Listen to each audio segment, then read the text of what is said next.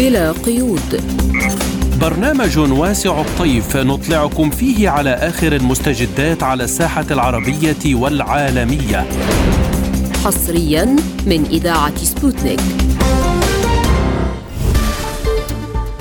تحية طيبة لكم مستمعينا الكرام وأهلا بكم في حلقة جديدة من برنامج بلا قيود. نصحبكم فيها اليوم أنا عماد الطفيلي. وأنا نغم كباس ونبحث في هذه الحلقة. زيارة زيلينسكي إلى أوروبا. المجلس الأعلى للانتخابات يعلن النتائج الرسمية للسباق الرئاسي في تركيا. تهدئة بين فلسطين وإسرائيل. البرهان يقيل قيادات في الجيش ويجمد أصول الدعم السريع. لازلتم تستمعون إلى برنامج بلا قيود. نبدأ التفاصيل من الشأن الأوكراني وزيارة زيلينسكي إلى أوروبا لحشد المزيد من الدعم وزيارته لمعسكر في الأراضي الألمانية لتدريب المقاتلين وتجهيزهم وإرسالهم لمحاربة روسيا. ودعا زيلينسكي مع الرئيس الفرنسي أمانويل ماكرون فرض عقوبات جديدة على روسيا كما أكد ماكرون العزم على تدريب العديد من الكتائب الأوكرانية وتجهيزها بعشرات المركبات المدرعة والدبابات الخفيفة خلال الأسابيع المقبلة. ميدانيا أفاد مراسل سبوتنيك عن استهداف مدرسة الملاحة الجوية السابقة في لوغانسك أثناء القصف وتم تطويق المكان وتعمل خدمات الطوارئ والأمن في الموقع. حول هذا الموضوع قال الخبير العسكري أندري ماروتشكو لسبوتنيك اليوم في حوالي الساعة الثامنة والدقيقة الخامسة عشرة بتوقيت موسكو سمع سكان لوغانسك صوتا مميزا لتحليق صاروخ ثم دوى انفجار في جنوب شرق لوغانسك. هذه هي منطقة لمدرسة الطيران العسكرية السابقة. في الوقت الحالي توجهت إلى هناك فرق الإنقاذ التابعة لحالات الطوارئ وممثلو مكتب المدعي العام ومجلس التنسيق المشترك لمعرفة طبيعة الدمار وعدد المنازل التي تضررت.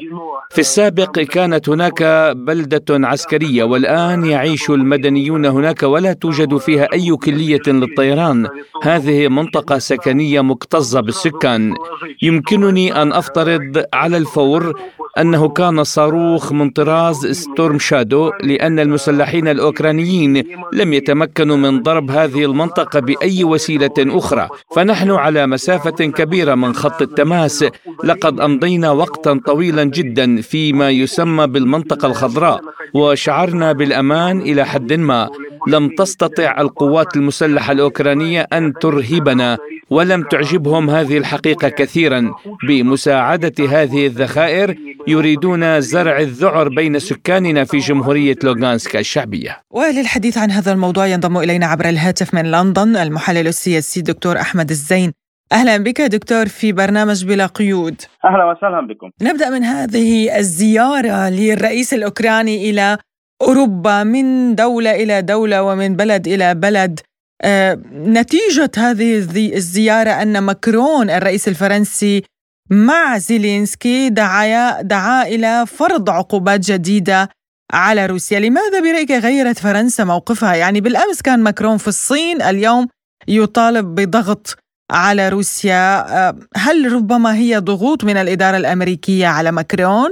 آه نعم بالطبع هناك نرى يعني زيارة آه زيلينسكي لأوروبا كان فيها تحول من المواقف آه الألمانية والمواقف الفرنسية كانت هناك المواقف الألمانية آه، نوعا من يعني جمود من العلاقات الثنائية بين ألمانيا وأوكرانيا. ونرى إنه هناك تحول جاء يعني آه، خلال زي آه، لقاء زيلينسكي مع المستشار الالماني شولتز وبدأت ألمانيا ب يعني تغيير موقفها وان وعدت بتقديم مساعدات وصلت إلى 2.7 مليار يورو وتقديم أسلحة ومدرعات ودبابات. كذلك الموقف الفرنسي يعني كان مفاجئا إنه كان متوقع إن هناك استدارة ربما لفرنسا بعد زيارة الصين وان ان تحول أو على الأقل أن لا يعني تصطف مع روسيا أو على الأقل أن تكون على الحياد أو تحاول محاولات ل يعني البدء بمباحثات السلام وبين روسيا وأوكرانيا لأن المصالح الأوروبية كلها بدأت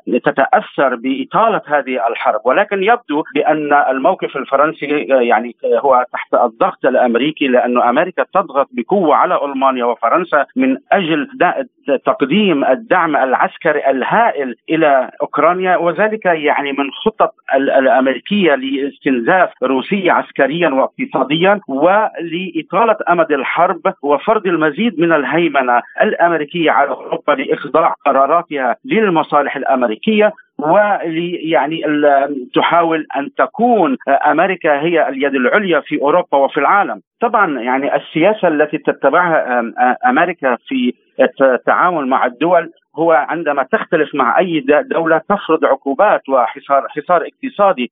وهذه يعني من طرق الاستعمارية الأمريكية القديمة الجديدة التي تحاول فيها تركيع الشعوب والحرب على اقتصاديات الدول.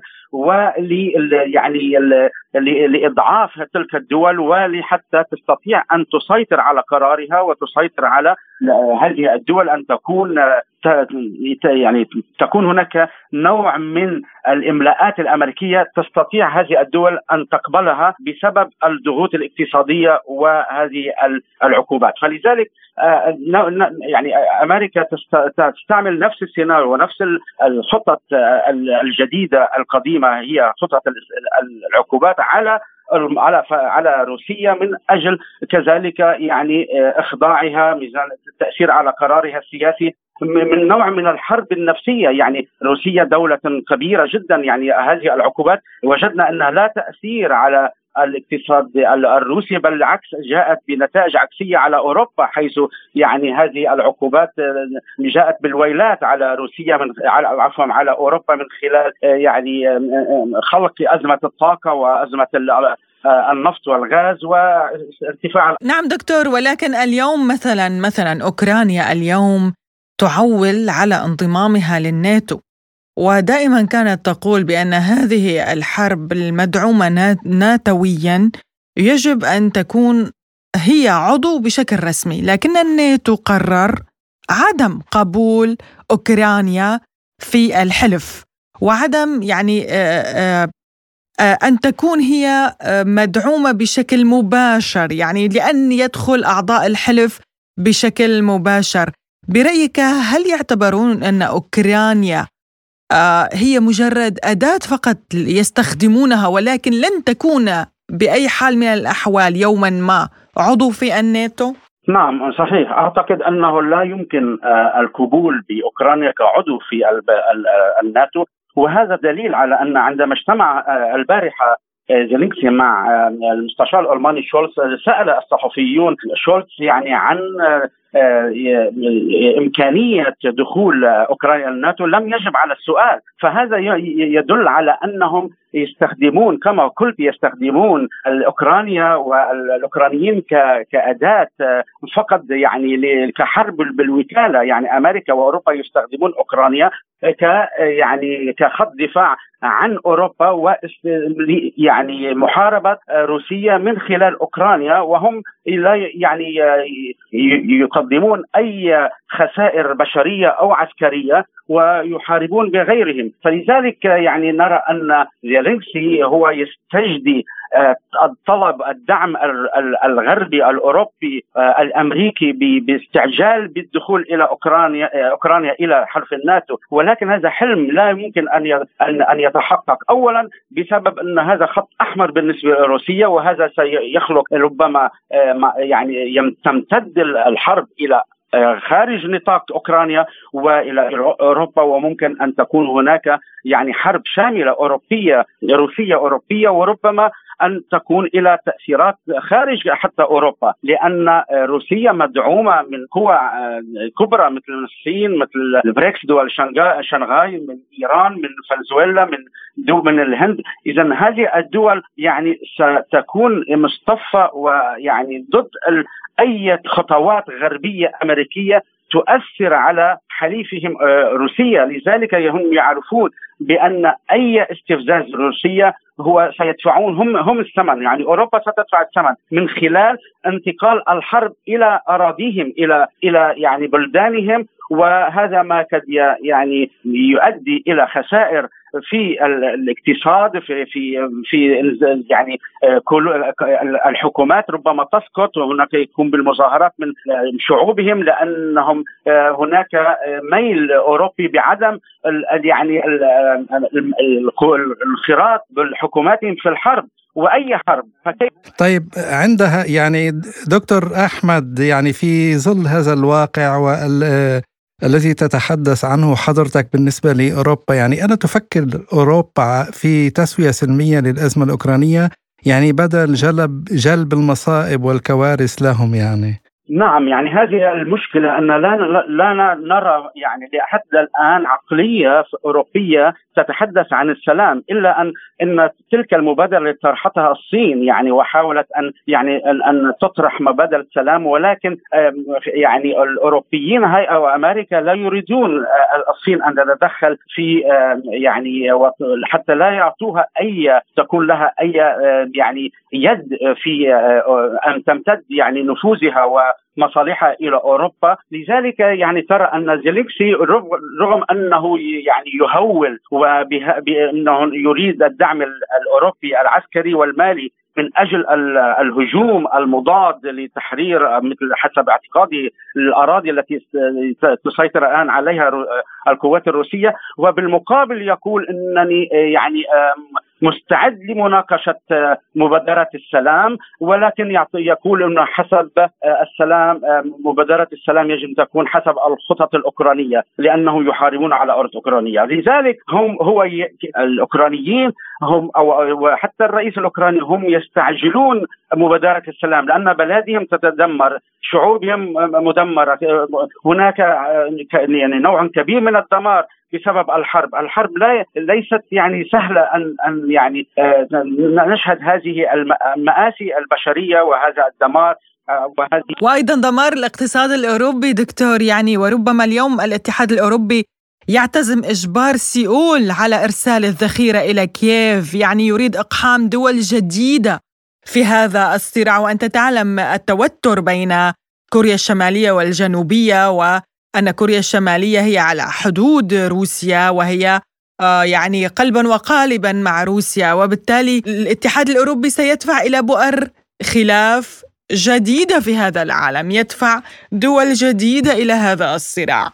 نعم هذه من الخطط الاستعمارية الغربية الأمريكية الأوروبية يعني هم يعتاشون يعني هذه الدول يعتاشون من الحروب ومن بؤر الصراع والنزاعات والصراعات بين الدول من أجل يعني مصانعهم ان أن يعني تبقى تشتغل في صناعة الأسلحة وبيع هذه الأسلحة إلى الدول الأسلحة إلى الدول المتنازعة. وهذه يعني ديدان أمريكا يعني عبر عقود من الزمن وهي تستعمل هذه الخطط يعني نرى أن مثلا أمريكا يعني استطاعت أن تفتعل الحرب الروسية الأوكرانية استطاعت أن تفتعل الحرب السودانية استطاعت ان والآن يحاولون كما قلت يحاولون دول أخرى مثل كوريا الجنوبية أن يست... ان أن يفتعلوا حربا هناك بينها وبين روسيا وبين بين الصين. لذلك لا ي... يعني هم لا يفكرون بمدى تأثير هذه الحروب مستقبليا أن ربما هذه الشرارة التي أشعلوها ربما أن تمتد إلى بلدان وتمتد إلى حرب عالمية نووية كبرى فهنا الكارثة بأنهم لا يحسبون حسابا إلا بالمصالح الآنية العسكرية الحالية يعني بيع الأسلحة والاستفادة من الأموال وان أن يكونوا هم اليد كما قلت اليد العليا وأن يست يعني يحاولوا يدمرون كل من لا يتفق معهم الدول المناوئه لهم التي لا لا لا تخضع إلى أملاءاتهم لا وإلى قراراتهم يريدون تغيير الأنظمة كما حصل في سوريا كما حصل في اليمن كما حصل في في العراق يريدون إذا لم تستجيب هذه الدول إلى إلى آه، قراراتهم السياسية وإلى إخضاع اقتصادهم ان يتبع إلى باقتصاد بالدولار وبالاقتصاد الأمريكي فيحاولون زعزعة الأمن ونشر الفوضى والحرب والدمار في هذه البلدان. آه، دكتور أحمد يعني أعلن السفير الروسي عن مشاركة سلوفاكيا النشطة في تسليح أوكرانيا. يعني ما هي مخاطر جذب دول وسط وشرق أوروبا إلى الصراع في أوكرانيا برأيك؟ وكيف ستؤثر يعني على العلاقات بين روسيا وسلوفاكيا؟ يعني بالطبع يعني هم يريدون يعني خلق أكثر عدد من من الأعداء إلى روسيا، لذلك هم يحاولون يعني إغراء هذه الدول بالانخراط في هذه الحرب الروسية الأوكرانية وبأن تصطف بجانب أوروبا ب يعني إعلان العداء ومحاولة يعني الصفها في تقديم المساعدات العسكرية لأوكرانيا. وهذا يعني ما قد يعني يوسع بؤرة الصراع يوسع بؤرة الحرب في أوروبا. وهذه ما قد يعني آثاره يعني تمتد إلى ليست إلى روسيا وأوكرانيا وأوروبا بل أن آثارها ستكون تمتد إلى معظم بلدان العالم. ستتأثر من من يعني ممكن تخلق أزمة القمح وأزمة الغذاء وأزمة النفط وأزمة الغاز وأن تكون هناك يعني نحن نصل إلى شبيه يعني الظروف التي الموضوعية والتوترية والأجواء المتوترة والتصعيد هي نفس الأجواء التي كانت سادت في الحرب العالمية الأولى والثانية. بدأت يعني الدول تنخرط شيئا فشيئا في في الاصطفاف السياسي والعسكري وانشقت العالم إلى إلى معسكرين وبدأت الحرب العالمية الأولى والثانية. والآن نحن شبيه إلى هذا السيناريو. وهذا ما نخاف أن يتمدد إلى حرب كبرى حرب شاملة حرب نووية حرب عسكرية وإلى ما شابه. المحلل السياسي الدكتور أحمد الزين شكرا جزيلا لك دكتور أحمد. أهلا وسهلا بكم. لازلتم تستمعون إلى برنامج بلا قيود. وإلى النتائج الأولية للانتخابات التركية حيث أعلن المجلس الأعلى للانتخابات تقدم مرشح تحالف الجمهور الحاكم في تركيا رجب طيب أردوغان بنسبة 49.40% وكيليتشدار أوغلو على 44.96% ولم يتمكن أي من المرشحين الأربعة وهم رجب طيب أردوغان كمال دار أوغلو، سنان أوغان، محرم إنجا والذي سحب ترشيحه لم يتمكنوا من حسم النتيجة لصالحهم بعد فرز أكثر من 100% من أصوات الناخبين حيث تقدم أردوغان على منافسيه لكنه لم يتجاوز 50% وهي نسبة الأصوات التي يحتاجها لفوز بولاية رئاسية جديدة لمدة خمس سنوات. وبالتالي ستجري الجولة الثانية من الانتخابات في الثامن والعشرين من مايو أيار الجاري حيث لم يفز أي مرشح بنسبة 50% من الأصوات. مصادر في المعارضة قالت إنه وفقا للمعلومات الأولية فقد بلغت نسبة المشاركة في الانتخابات التركية 93.6% على الصعيدين الرئاسي والبرلماني وهذا رقم قياسي. وفي تعليقه على هذا الموضوع قال الخبير في الشأن التركي الدكتور فراس رضوان أوغلو لبرنامجنا أنا أظن الفرصة أكبر بكثير مما للرئيس السيد كمال كليشدار أوغلو. السيد كمال كليشدار أوغلو على الأقل يحتاج إلى ثلاثة ملايين صوت ونيف بينما رئيس أردوغان بين 500 و 300 ألف صوت من كافيين. إذا ابقينا هذه النسبة ثابتة في التصويت القادم إذا نفس الأشخاص صوتوا بما صوتوا عليه الآن. إضافة إلى الاصوات التي ممكن تأتي من المرشح الثالث التي كان للسيد سنان فرصه اظن اقوى بكثير. إضافة إلى الشعور بالنصر لدى الطرف الحاكم أو الائتلاف الحاكم على حساب الائتلاف المعارض. وعن التطورات الإيجابية في قضايا الشرق الأوسط إذا تم إعادة انتخاب أردوغان يقول فراس أوغلو إذا أخذنا الملف السوري بكل الأحوال الملف السوري سينتصر يعني أو سيكون له نجاحات لأن كلا الطرفين كان السيد كمال والسيد أردوغان مصممان على فتح العلاقات مع سوريا وتسوية قضية اللاجئين، لذلك أنا لا أظن أن هناك تغير سلبي باتجاه القضية السوريه، إذا بقي أردوغان موجود السياسة ستبقى مستمره إذا وصلت كما في السابق هناك يعني تعديل نوعا ما في سياسته. لأنه كان يقول إنه يريد أن يسحب قوات الجيش التركي من خارج الحدود التركية إعادتها إلى طبعا إلى سكناتها في تركيا. وفي حال فوز زعيم المعارضة وكيف ستكون حال العلاقات بين أنقرة وموسكو يقول أوغلو؟ يعني ربما لن تكون بذلك الزخم الاستراتيجي، لكن لن تكون يعني علاقات سيئة، أنا اظن ستكون ب يعني أنا لا أظن أن سيد كمال لديه مشكلة مع روسيا لكنه قال أنا حليف الغرب وحليف الناس وتركيا تنتمي إلى الناس يعني هذا يعطي انطباع بأن ربما الاستراتيجيات الكبرى بين روسيا وتركيا ستتوقف لفترة ما. وبخصوص عدم اهتمام واشنطن بالانتخابات في تركيا قال أوغلو لا هي أظن ذات أهمية كبيرة ولكنهم لا يريدون ذلك طبعا اولا ربما هم يدركون أن أردوغان برقم صعب جدا وربما هزيمته أيضا صعبة، لذلك هم اثروا كما يقال شبه الحيادية وعدم التدخل وإن كانوا هم أظن يميلون أكثر لوصول السيد كمال كليجدار أوغلو لأن كل الأصوات التي جاءت ربما من الخارج آه، يعني الأصوات التركية التي صوتت في الرئاسه الامريكيه اظن أغلبها صوتت لصالح سيد كمال وليس لصالح آه، أردوغان. استمعنا إلى الخبير بالشأن التركي الدكتور فراس رضوان أوغلو. بدوره يقول الخبير في الشأن التركي والدولي محمود علوش لبرنامجنا في قراءته لنتائج الانتخابات الرئاسية التركية. أعتقد أن الرئيس رجب طيب إردوغان حقق انتصار كبير بنسبة 90% تقريبا في هذه الانتخابات من خلال التقدم بنسبة كبيرة على مرشح تحالف المعارضة كمال كليشدار أوغلو في جولة أولى نسبة تقريبا 4.5% وأيضا من خلال فوز التحالف الحاكم في الانتخابات البرلمانية. وبتقديري كانت الانتخابات بمثابة انتكاسة كبيرة ومدوية للمعارضة التي فشلت في شكل كبير في تحقيق الآمال التي كانت وعدتها قبل أو التي آه، يعني آه، راهنت عليها في هذه الانتخابات. في جولة إعادة فرص الرئيس رجب طيب إردوغان تبدو أفضل بشكل أكبر مقارنة بكمال كليجدار أوغلو لعدة اعتبارات. معنويا الرئيس إردوغان سيخوض جولة الإعادة بوضع أفضل.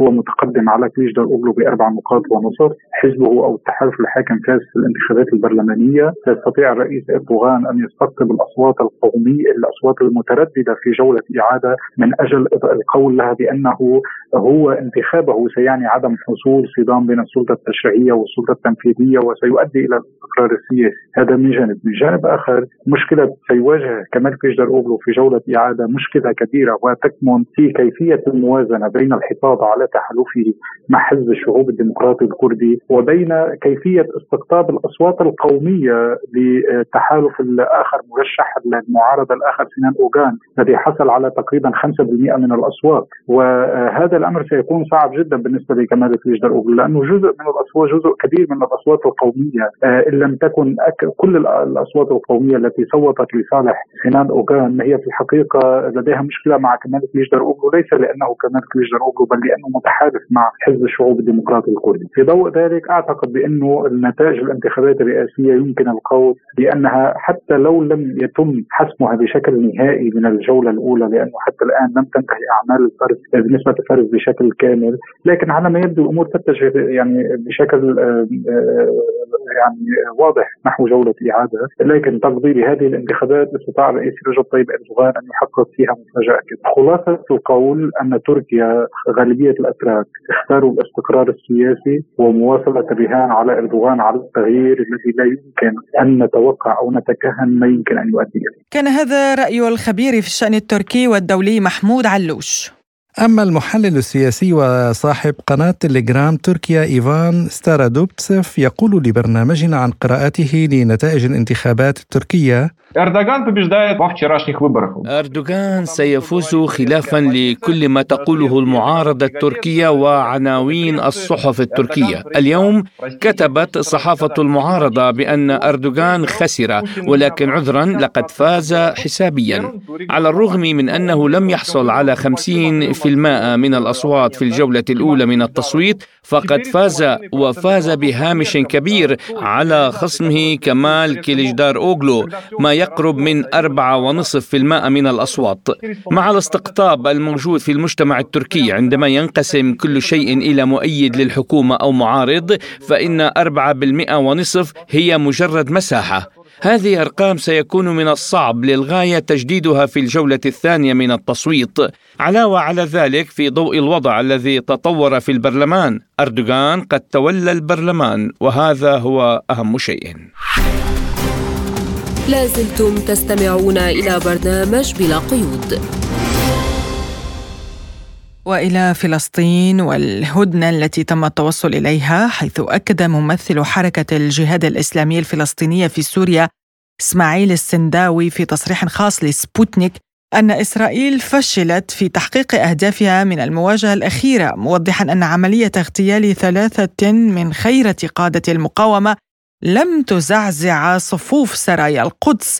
ولم يكن لها أي أثر على بنيتها العسكرية خلال المواجهة التي استمرت خمسة أيام. وحول هذا الموضوع قال المحلل السياسي ناصر حماد لبلا قيود الهدنة لا نقول أنها ستستمر بل هي جولة من جولات الصراع بين الشعب الفلسطيني والعرب وإسرائيل وحليفتها الولايات المتحدة. والولايات المتحدة أعطت الضوء الأخضر لعملية الاغتيال وعملية القتل والإجرام ضد الشبان الثلاثة المواطنين الآمنين في بيوتهم مع زوجاتهم وأطفالهم. تم قتل ثلاثة بدم بارد من قبل الطائرات الإسرائيلية وهو مخطط سابق لعملية القتل والإجرام. وهذه سياسة دائما إسرائيل بتتخذها وتحاول أن تخرج بنتائج معينة لتستفيد أكبر قدر ممكن. وأما بالنسبة للانتصار السياسي للقاهرة الولايات المتحدة هي طلبت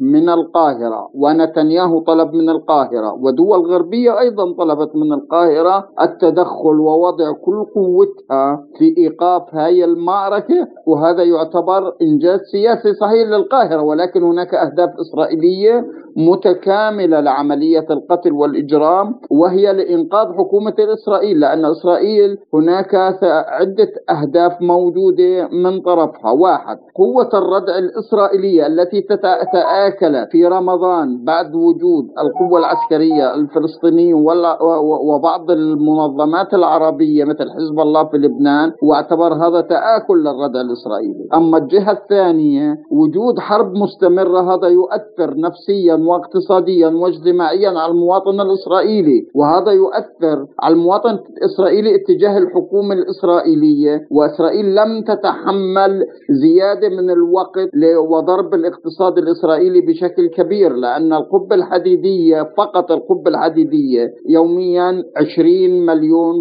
شيكل إسرائيل تحديدية وليس غيرها. أما بالنسبة لوجود انتصار هو مصر ونشكر مصر قامت بدور كبير وفاعل لإنهاء جولة الصراع هذه. والولايات المتحدة هي طلبت من مصر التدخل لأنه ليس لا, لا يوجد هناك علاقات بين الولايات المتحدة والأطراف الفلسطينية أو قوى المقاومة ضد الاحتلال الإسرائيلي.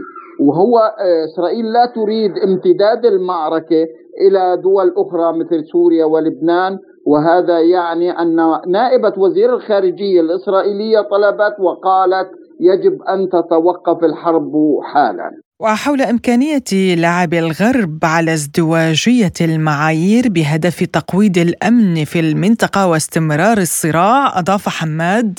الصراع لم يقف ولن يهدأ. وسيطول. لأن إسرا... لأن الولايات المتحدة والولايات الولايات المتحدة الأمريكية والاتحاد الأوروبي يعملون بازدواج بإزدواجية المعايير بإزدواجية المفاهيم. هم يتحدثون مع العرب بلغة العرب ويتحدثون مع الإسرائيليين بلغة الإسرائيلي. ولكن هم موجودون في الجانب الإسرائيلي بشكل كامل ويدعمون الإرهاب الإرهاب الدولة المنظم من قبل الجماعات المتطرفة مثل بن غفير وسموريتش وتساحي هانجبي وغيرهم لأنهم هذه تيارات دينية متطرفة. التيارات الدينية المتطرفة هي التي تحكم المجتمع الإسرائيلي. ويقومون بعمليات القتل والإجرام باتجاه في المجتمع ضد الشعب الفلسطيني. ولكن الضوء الأخضر تم أخذه من الولايات المتحدة لعملية الإعدام للشباب الفلسطينيين الخارج عن القانون. هي عمليات إعدام خارج عن القانون. والأوروبيين يتعاملون بازدواجية المعايير ولا يوجد ولا يتحدثوا عن القانون الدولي الإنساني.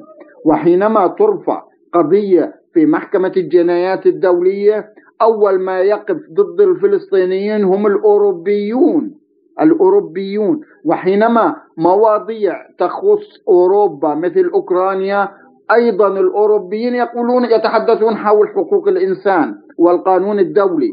وهذا هو معايير المعايير القانونية يتحدثون حسب مصالحهم. ليس حسب القانون الدولي الإنساني والولايات المتحدة والاتحاد الأوروبي هم مجرمون في حق الشعب الفلسطيني عبر تاريخه لأن من ضرب الشعب الفلسطيني في الأمم المتحدة والمنظمات الدولية وحتى في المؤسسات العالمية هي الاتحاد الأوروبي أولا وقبل كل شيء لأنهم يتماهوا مع المشروع الإسرائيلي. والمشروع الإسرائيلي ووجود الاحتلال هو مشروع مبني على المصالح الغربية بشكل كامل. وحول إن كان من قضوا في القصف الإسرائيلي جميعهم تابعين للفصائل الفلسطينية أضاف حماد. بالنسبة للعمليات القتل هناك عمليات قتل من قوى استشهاد قوى من قوى المقاومة والمدنيين. القوى المقاومة استشهدوا تسعة أو ثمانية أو عشرة تقريبا. أما من المدنيين الباقي مدنيين هم آه، ثلاث سيدات آه، سبع أطفال آه، نساء شيوخ.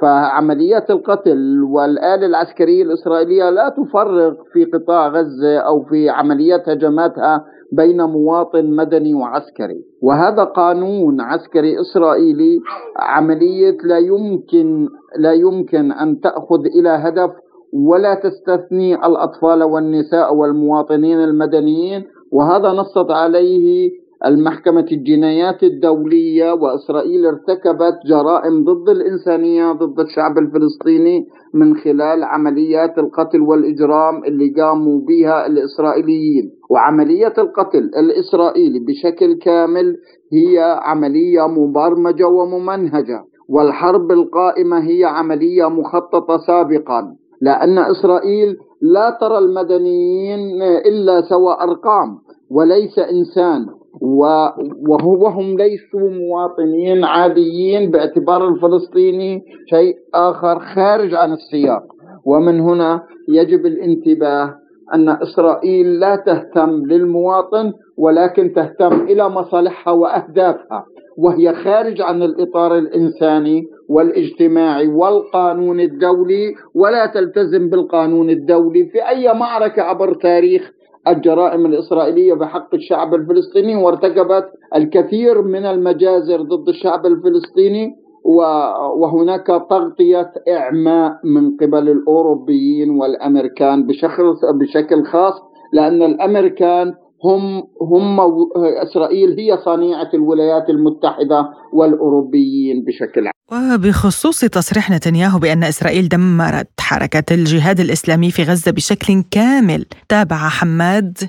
بالنسبة إلى نتنياهو هي شيء مضحك إلى تصريحه. حتى الطفل في غزة أو في الوطن العربي أو في العالم يضحك اتجاه هذه التصريحات والضحك يكون بسخرية. لأن نتنياهو تحدث بشكل وهمي ويوهم نفسه والمجتمع الإسرائيلي بشكل كامل أن حركة الجهاد الإسلامي قد دمرت. حركة الجهاد الإسلامي لم تدمر وهي كانت مستعدة لمزيد من الصراع وضرب الصواريخ اتجاه المدن المدن المحتلة الفلسطينية وقالت في تصريحات مقتضبة لغرفة العمليات المشتركة في غزة إنها جاهزة للقيام لأسابيع لأسابيع لضرب المدن المحتلة الفلسطينية. وكيف يكون أنه دمر وهي, وهي على استعداد لعملية إطالة جولة الصراع؟ بل هو يضحك على المجتمع الإسرائيلي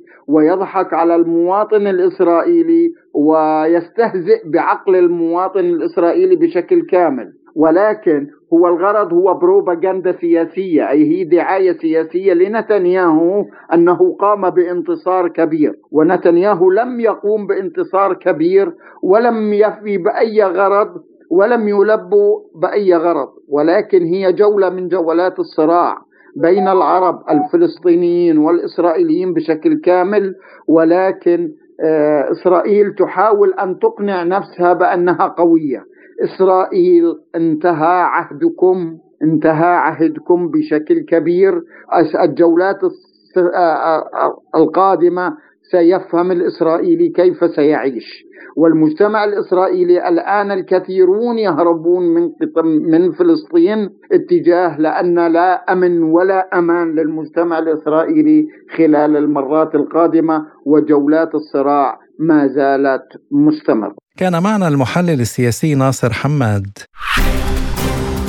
لازلتم تستمعون إلى برنامج بلا قيود.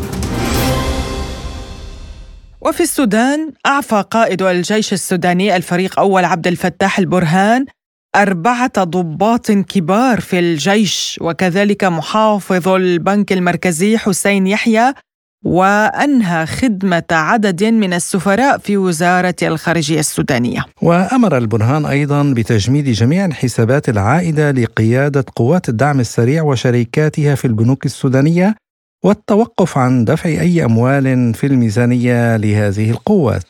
وعن أسباب اتخاذ البرهان لهذه القرارات قال الخبير بالشأن السوداني خالد الفكي بلا قيود. أعتقد أن آه، عبد الفتاح البرهان آه، قائد الجيش هو آه، يريد إعادة ترتيب أوراقه من خلال إقالة حاكم البنك المركزي أو إقالة عدد من الضباط وإعفائهم و يعني حالتهم للتقاعد فبالتالي هو يحاول أن يرتب أوضاعه وينظر فيما يمكن أن تكون عليه هذه الحرب من خلال الأوضاع المستجدة سواء كانت متعلقة بأوضاع هؤلاء القيادات العسكريين أو بإدارة حركة المال في البنك المركزي ومحاولة السيطرة عليه وأيضا يعني إيجاد رجل قد يكون قريب ومقرب من الجيش ويستطيع أن يستأمن على ما تبقى من أموال أو من احتياطي الذهب الموجود في البنك المركزي السوداني فبالتالي يعني كافة القرارات التي اتخذها البرهان مؤخرا سواء كانت الإقالات للضباط أو حاكم البنك المركزي هي تأتي في سياق إعادة ترتيب الأوضاع بما يمكن أن تتسق وتسف فيه هذه الحرب خلال الأيام المقبلة أو المستقبل القريب على الأقل. وعن ماهية رد فعل قوات حميدتي يقول الفيكي يعني أنا أعتقد أنه حميدتي الآن لا يمتلك أي قدرة لرد الفعل سوى استمراره في هذه الحرب ومقاتلة الجيش السوداني. ولكن الآن المستوى الإداري أو التنفيذي لا يستطيع أن يحدث أي شيء. أيضا في ظل ما يشاع ويقال من خلال وسائل منصات التواصل الاجتماعي عن عمليات نهب والسرقة من قبل قواته لعدد من المصارف والشركات الخاصة والمصانع. فبالتالي أعتقد أن حميتي لن تكون له أي ردة فعل سوى مزيد من الاقتتال مع القوات المسلحة ولكن دون ذلك لن يستطيع الآن أن يفعل شيء وهو مطارد وملاحق وفي حرب مع القوات المسلحة السودانية. واعتبر الفكي أن قيادة الجيش خلقت ظروفا جديدة في هذا الصراع. أعتقد أن القوات المسلحة السودانية هي الآن استطاعت أن تخلق أوضاعا وظروفا استثنائية تقدمت بها على الدعم السريع سواء كان على مستوى العمل الميداني أو تحقيق انتصارات متتالية من خلال ضرب أكثر من 30 مركز للدعم السريع. وأيضا محاولة كسر عظم هذه القوة التي الآن تغلص إلى دون 50 في المية. فبالتالي القوات المسلحة السودانية هي خلقت أوضاع جديدة مختلفة تماما ضغطت بها على الدعم السريع وتمتلك الآن ظروف يمكن أن تفاوض بها يمكن أن تراهن بها على أوضاع جديدة يمكن أن تسبها في اتجاه إدارة المعركة بأحداثيات وتحركات مختلفة كليا عن الأيام الاولى التي كان الدعم السريع موجود في مركز المواقع الاستراتيجية سواء كان القصر الرئاسي أو القيادة العامة للجيش. فبالتالي أعتقد أن الآن القوات المسلحة خلقت ظروف أخرى من خلال سحب الدعم السريع إلى الأحياء وإلى مناطق أخرى خارج دائرة الفعل الرئيسي التي اعلنها حميدتي بأنه يريد استهداف القيادة العامة والقصر الرئاسي. وبعد شهر من هذه الحرب بدأ عمليا أن الدعم السريع لم يستطيع السيطرة والاستيلاء على القيادة العامة أو القصر الجمهوري والآن قواته تتفرق في عدد من الأحياء وربما في مناطق تبعد أكثر من 30 إلى 40 كيلو خارج الخطوط. ويرى الفكي أن اتفاق جدة لم يصمد وتابع قائلا. اتفاق جوبا حتى هذه اللحظة آه، هو يعتبر كلمات على الورق وحبر على الورق ولكن لم ينفذ على أرض الواقع. الحرب ما زالت تدور الطيران الحربي يقصف آه، مضادات الدعم السريع ترد آه، العمليات هنا وهناك مستمرة بشكل كبير. فإذا اتفاق جدة هو فاشل. حتى هذه اللحظة لأنه لم يحقق المرجو منه وهو ما يتعلق بفتح الممرات الآمنة الذهاب في اتجاه فتح الطرق أمام المزعفين أمام الفرق المدنية إخلاء المناطق المدنية من الجيوش. إذا فبالتالي حتى هذه اللحظة هو يعتبر فاشل لأنه لم يحقق الغرض الرئيسي منه كانت هذه مداخلة الخبير بالشأن السوداني خالد الفكي. لازلتم تستمعون إلى برنامج بلا قيود. وإلى لبنان حيث كشف مركز إحصاء لبناني أوروبي أن حوالي 90 مليار دولار أمريكي من أموال المذيعين اللبنانيين اختفت بعد ثورة 17 تشرين الأول عام 2019 بطرق مختلفة. وخلال الأشهر الماضية نفذ العديد من المذيعين اللبنانيين عمليات اقتحام للمصارف. كانت بعضها عمليات اقتحام مسلحة تم خلالها احتجاز رهائن طالبوا خلالها بالحصول على أموالهم المحتجزة. وللتعليق على هذا الموضوع ينضم إلينا من بيروت الخبير المالي والاقتصادي الدكتور محمد موسى. أهلا ومرحبا بك دكتور محمد في حلقة اليوم من البرنامج وأسأل حضرتك يعني مباشرة أين ذهبت هذه الأموال في حقيقة الأمر يعني؟ لا شك دعنا نقف مطولا أمام هذا الرقم. ومدى مصداقيته وجديته ولكن بالنهاية هناك أموال مهدوره في لبنان لا تعد ولا تحصى. دعنا نقف أمام سياسات الدعم غير المجدية دعم الكاجو ودعم السلع غير الأساسية للناس التي للتفكير. على أبواب حكومة حسان دياب أيام حكومة حسان دياب كان خطه لازار كان في البنك المركزي ما يقارب 34 مليار. للأسف نحن اليوم نتحدث عن 7 مليارات تقريبا لا زالت في البنك المركزي. من الاحتياط الإلزامي. هذه 27 مليار أنفقت على سياسات دعم غير مجدية استفاد منها ربما الأغنياء والمحظيين والتجار أكثر مما استفاد منها فقراء لبنان. دعني أقف أمام التحويلات التي جرت استنسابيا للبيبس أو ما يعرف بالمعرضين سياسيا أي أصحاب الحظوة وأصحاب السطوة. هؤلاء حولوا ما يفوق 12 13 مليار دولار وربما الرقم يزيد بحسب الكثير من الدراسات. دعني أقف أمام معضلة أساسية ارتكبتها المصارف نتيجة عدم إقرار ال capital control وعدم إقرار خطة إنقاذ حقيقية مالية خطة تعافي توافق عليها الحكومة. وهنا أتحدث عن الأموال التي سددها المقترضين من الأموال الخاصة من المصارف على سعر 1005 للدولار. وبالتالي تخيل معي شقة كان حقها مليون دولار سددت بما يقارب المليار ونص ليرة يعني حوالي 15 ألف دولار. لك أن تتخيل هذا الموقف الكل عمد إلى تسديد ديونه الدولارية بالليرة مما أفقد المصارف ديون خاصة تفوق ال 40 مليار دولار وهي جزء من الخسائر وهذا ما يعد المعضلة القادمة لإعادة الرسمله للمصارف. كل هذه الأمور تبخرت هذه الأموال ونحن اليوم لا زلنا ننتظر خطة ما مع صندوق النقد لا زلنا ننتظر انتخاب رئيس للجمهورية إصلاحي غير فاسد قادر على انتشال البلد لا زلنا ننتظر اتفاق مع صندوق النقد لا زلنا ننتظر حكومة من أكفاء مختصين قادرين على بلوره الثقة بين اللبنانيين والداخل والخارج. كل هذا حتى الساعة للأسف لم يجري. طيب دكتور هل بالفعل ما حصل في ثورة السابع عشر من تشرين أدت إلى انهيار اقتصادي في لبنان؟ اسمح لي أقول أن ثورة الواتساب بين بركة ما حدا يزعل منا أو الثورة أو كل ما أنشئ لا أعتقد أن من قام بها بنية بريئة في أيامها الأوائل كان يعتقد أننا متجهون إلى هكذا سيناريو إلى هكذا شبح إفلاس إلى هكذا كوابيس يعيشها اللبنانيون ودولارهم للتذكير لمح ال 143 ألف وهو اليوم عند عتبة ال 100 ألف ليرة تقريبا. وبالتالي لا أستطيع من موقعي الاقتصادي والمالي أن أحمل ثوره تشرين بين هلالين. كل هذه الموبقات بالنهاية لبنان كان بلد فيه فساد آه، حدث ولا حرج بهذا الموضوع. تحدث عن قطاع الكهرباء الذي هدر ما يقارب ال 45 مليار. ماذا عن السياسات المالية الخرقاء لعشرات السنوات التي لم لم تنشئ اقتصاد منتج ماذا عن الهندسات المالية التي تمت بال 2015 وأنقذت العديد من المصارف على حساب المودعين اللبنانيين وعملية ال Ponzi scheme أي رفع سعر الفائدة لأخذ أموال اللبنانيين من ثم احتجازها بطريقه غير قانونية مطلقا بدون capital control ماذا عن الإصلاحات التي يطالب بها المؤتمرات تلو المؤتمرات منذ عهد الرئيس الشهيد رفيق الحريري وحتى اليوم نتحدث عن سيدر 1 سيدر 2 سيدر 3 ومؤخرا مؤتمر سيدر الذي أقر في 2017 2018 11.7 مليار للبنان ولكن ربطها بالمباشر بالإصلاحات.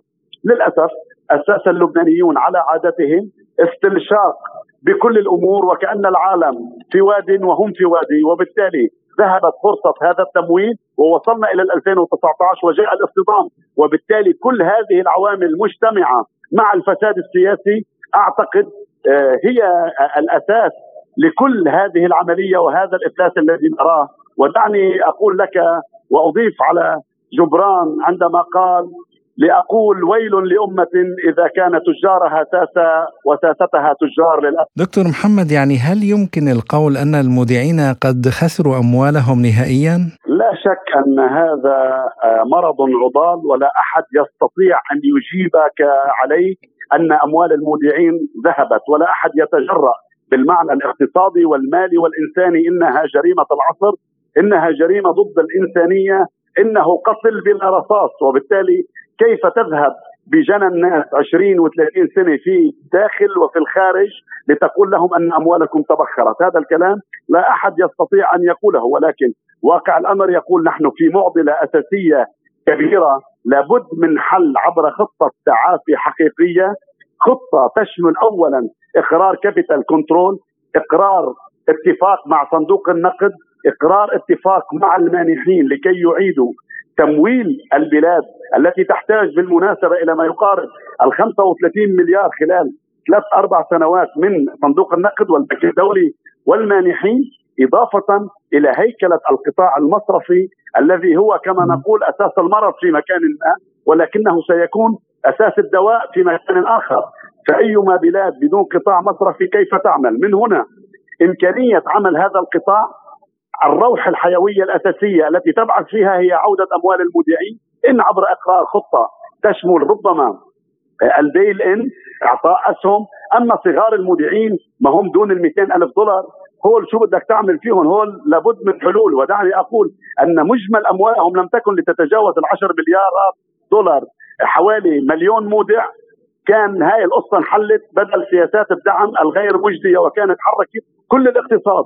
وبالتالي أعتقد بمكان ما اللبنة الأولى لكي نقول أن لبنان عاد إلى سكة التعافي بعد انتخاب رئيس وتأليف حكومة أساسية هي في إقرار خطة تعافي عنوانها الأول خطة تعافي مالي تعيد للمودعين أموالهم وإن كانت تدريجيا سوى ذلك أعتقد أننا أقرب إلى المشكل من إلى الحل في البلاد. طيب هذا الواقع المرير دكتور يعني كيف يمكن الخروج منه؟ ما الإجراءات التي يمكن أن تتخذها السلطات اللبنانية؟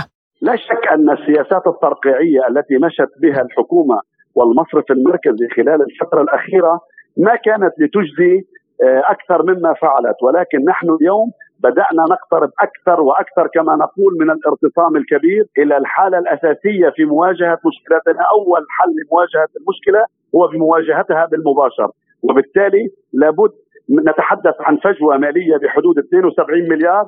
تحدث عن ذلك نائب رئيس الحكومة الأستاذ سعاد الشامي أكثر من مرة وبالتالي الحل اليوم بكل بساطة عماد من سيتحمل هول 72 مليار؟ الدولة اللبنانية بفسادها مصرف لبنان بسياساته الخاطئة المصارف التي تعرضت خارج قواعد بذل وخارج قواعد آه، المخاطر وضبط المخاطر المصرفية عالميا أما المودعون؟ بالنهاية هناك أربعة أطراف. لابد من تقسيم هذه الفجوة المالية بطريقة عادلة حتى نستطيع المضي قدما.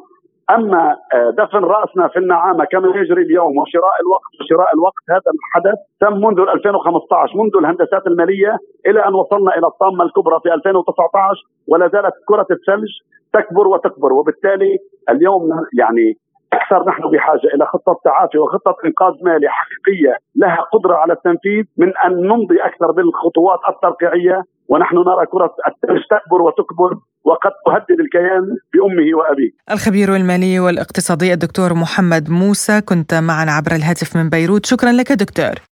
كما نستمع إلى أحد المذيعين اللبنانيين وهو أستاذ في الجامعة اللبنانية الدكتور عفيف عثمان ليحدثنا عن ما حصل معه مع أحد البنوك اللبنانية.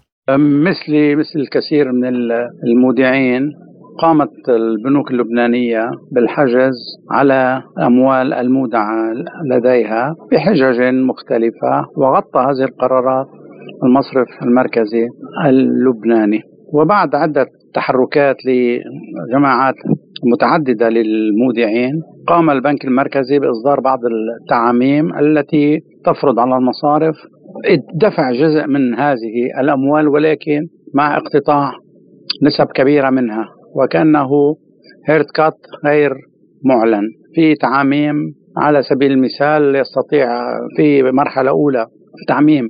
سمح للمودع أن يحصل على أمواله على سعر صرف ليرة لبنانية ب 8000 في حين أن الدولار كان مرتفع ارتفاعا كبيرا وهناك تعميم رقم 158 الذي يسمح للمودع أن يأخذ شهريا 800 دولار 400 دولار فريش دولار نقدا 200 دولار باللبناني على سعر الدولار 3000 ليرة والدولار هو يساوي الآن يناطح ال 100000 و200 ونفس المبلغ آه، ثلاثة آلاف 3 ملايين ليرة لبنانية تعادل 200 دولار بقيمة مشتريات غذائية. وهذا نصب واضح وافتئات على جنى الناس على ما أدخروه لأيامهم القادمة حين التقاعد.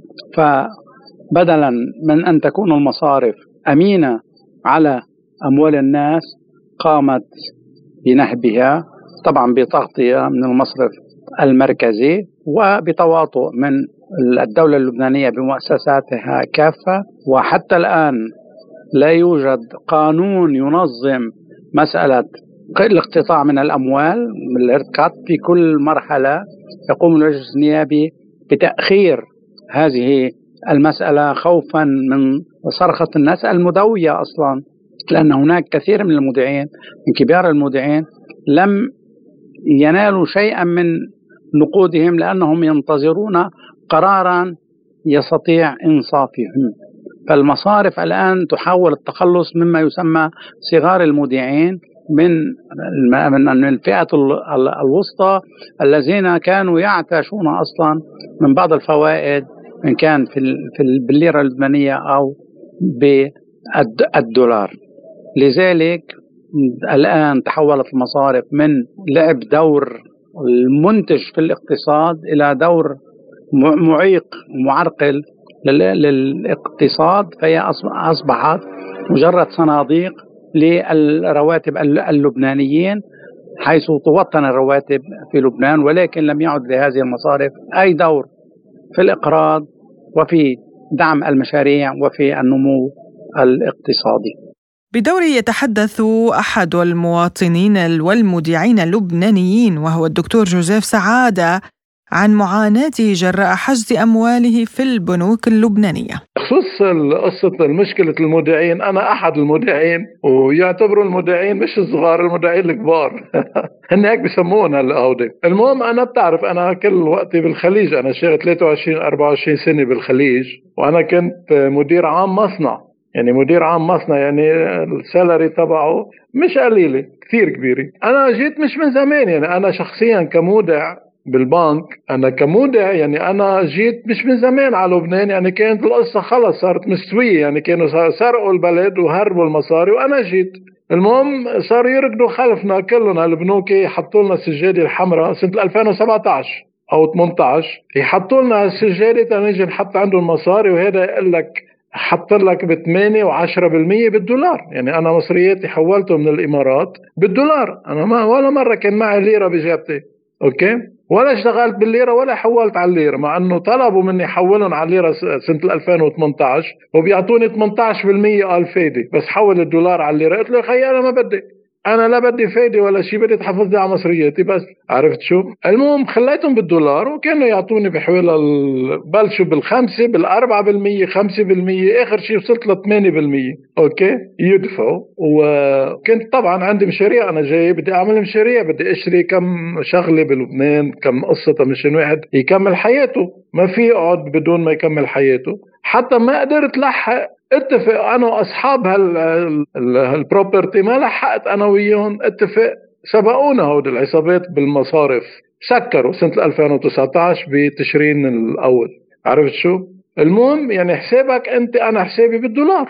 أنا حسابي لا قلبته على الليرة ولا قلبت من الليرة على الدولار. أنا جبته من برا بالدولار وحطيته بالبنك بالدولار وعندي ال record كله ما غير ما غيرت أنا جبته من برا هيك okay؟ بس إجت ل 2019 سكرت البنوك سكرت خالص ما عادش ما عادش فيك تقرب على البنك. عرفت شو؟ بعدين صارت تطلع هالتعاميم من من من رئيس العصابة اللي هو رياض سلامه صارت تطلع هالتعاميم هو متفقوا وياهم لأنه هن بهالسنة 2019 اتفقوا مع بعضهم هود اصحاب المصارف والمديرين والى اخره مع الحامي تبعهم الحاكم المصرف. اتفقوا هربوا مصريات الناس لبرا. واللي هون اللي عنده بتعرف عنده قوة سياسية ودينية طلع مصرياته نحن الأوادم ما قدرنا طلعنا مصرياتنا قال فيكش تطلع. عرفت شو؟ بعدين عمل لك قال هذا شو اسمه تعميم تعميم قال 158 إنه والله اللي عنده كان حساب بالدولار قبل ال 2019 أوكي قبل الأزمة يعني قبل تشرين الأول 2019 بحق له يسحب 400 دولار دولار أمريكي و ب 800 دولار. 400 دولار بيقبضهم دولار أمريكي و400 دولار ثاني بيقبضهم كانوا بلشوا على 3000 بعدين صاروا على 8000 هلأ على 15000 400 دولار على 15000 وهو بتدفع الكهرباء والمي والأكل والشرب والضرائب والجمرك وبتدفع له تياكل هو ونسوانه على قد أي سعر على ال 94000 هون القصة مبلشه من سنة 2019 هلأ. ال haircut ماشي بدون ما يعلنوه. بدون ما يعلنوه هودي العصابات تبع المصارف والمصرف. بدون ما يعلنوه عملوا haircut على العالم فوق ال 35 مليار دولار. مصريات الناس راحت. كل ما بده يدفع دفعة قال هلا حق المازوت أو حق الخبز أو حق الطحين أو حق الدواء. بقول لك بدنا نشيل مصريات المودعين ولخي وين مصريات الدولة. لازلتم تستمعون إلى برنامج بلا قيود.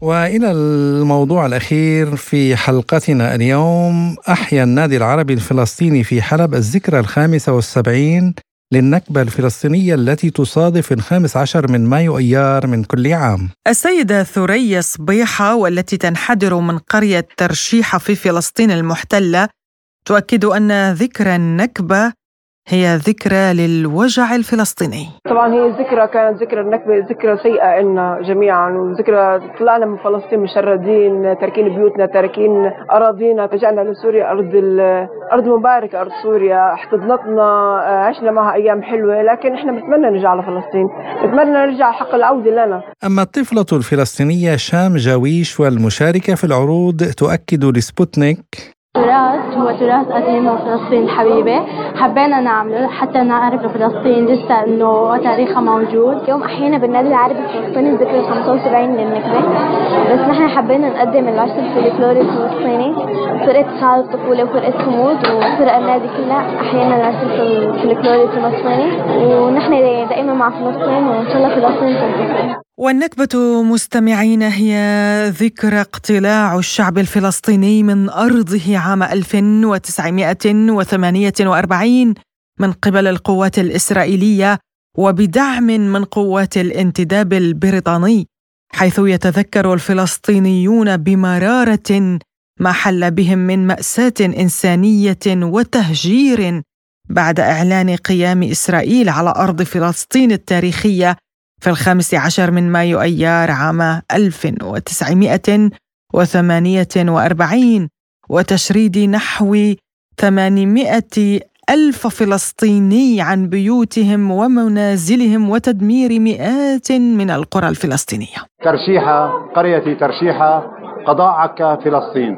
فلسطين العربية التاريخية لنا. نحن أصحابها. كان يعيش فيها آباؤنا وأجدادنا العرب الفلسطينيون منذ أقدم أقدم العصور. ختام حلقة اليوم من بلا قيود. كنا معكم فيها أنا نغم كباس. وأنا عماد فايدي وشكرا لإصغائكم وإلى اللقاء. إلى اللقاء.